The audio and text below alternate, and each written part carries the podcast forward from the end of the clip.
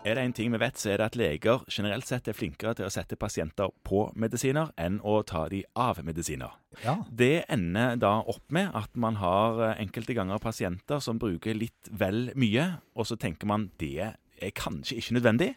Nei, altså jeg husker jo fra den tiden jeg jobbet som assistentlege og turnuslege som det het en gang på sykehus, at en god medisinsk kurve den var jo ikke skikkelig før den på en måte måtte snus. Nei, ikke Nei. sant? Ikke sant? Eh, så så der, der ligger det noe. Og Ja. noen ganger så kan det jo være greit å stoppe opp og vurdere er dette strengt tatt nødvendig.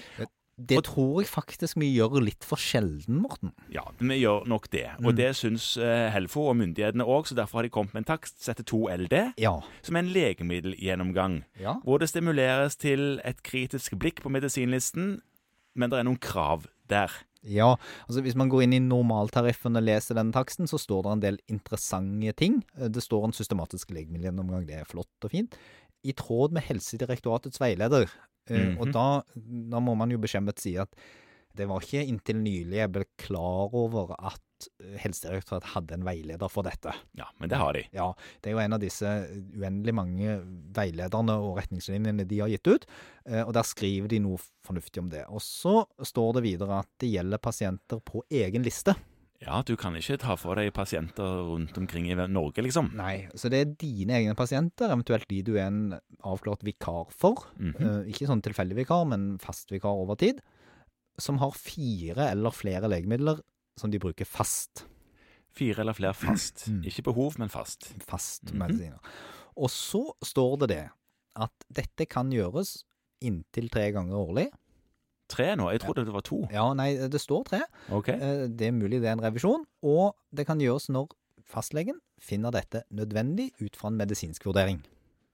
Ja, når tid vil man si at det er unødvendig å vurdere? Og der, der kommer man jo inn på noe interessant. Altså, eh, det er klart at det som vel er opplagt, er at du kan ikke vurdere dette tre dager etter hverandre. Da, da må det ha skjedd noe veldig spesielt. Altså, den journalføringen må man se Da må det ha skjedd mye. Ja, altså Du tenker at du tar unna de tre gangene du har lov i løpet av et år, 1. januar, og så kan du vente til neste 1. januar og andre tredje? Nei, eh, Nei. det tror jeg på en måte vil bli oppfatta som tendensiøst. Men eh, jeg tror det som kan være lurt, er at eller i hvert fall sånn som jeg velger å tolke dette, så er dette et lite spark til at vi bør kanskje oftere revurdere den behandlingen vi holder på med. Ja.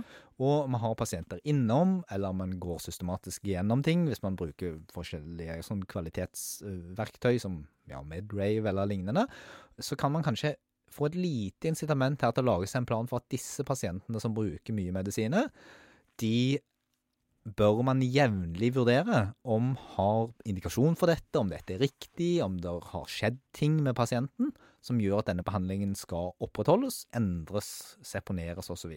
Mm. Og du må journalføre hvorfor du mener dette er nødvendig, men jeg tenker jo at hvis du som i din faglige visdom, Morten, sitter og, og jobber med dette, så, så skal jeg jo se han i Helfo som går imot deg og sier at nei, dette var helt unødvendig. Ja, det er sant. Med mindre du har gjort det i 1., 2., 3. januar. Ja. Ja. Ja. Eh, Og så står det at du kan gjøre dette med hjelp av beslutningsstøtteverktøyer eller hjelp av andre, hjemmetjenesten osv. videre -hmm. For min del har det jo ofte vært initiert av det. Spørsmål fra hjemmetjenesten skal de bruke dette nå.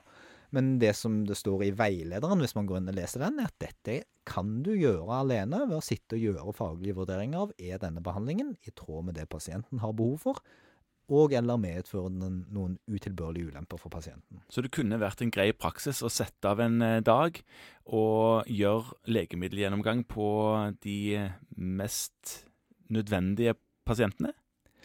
Ja, jeg tror at for å komme i gang med dette, så er det ikke sikkert det er så dumt å systematisere det bitte litt. Og vi skal vel ikke være større på det at vi vet alle at vi nok glemmer noen pasienter av og til, og det går litt unna, Ja. eh, som hadde hatt godt av en systematisk gjennomgang og et litt kritisk blikk på nett. Det er gjort skikkelig. Denne taksten, hva, hva utløser den for eh, kronasje? Per eh, dags dato 174 kroner. Ja, Så det, det er faktisk noe å hente på å gjøre denne jobben ordentlig.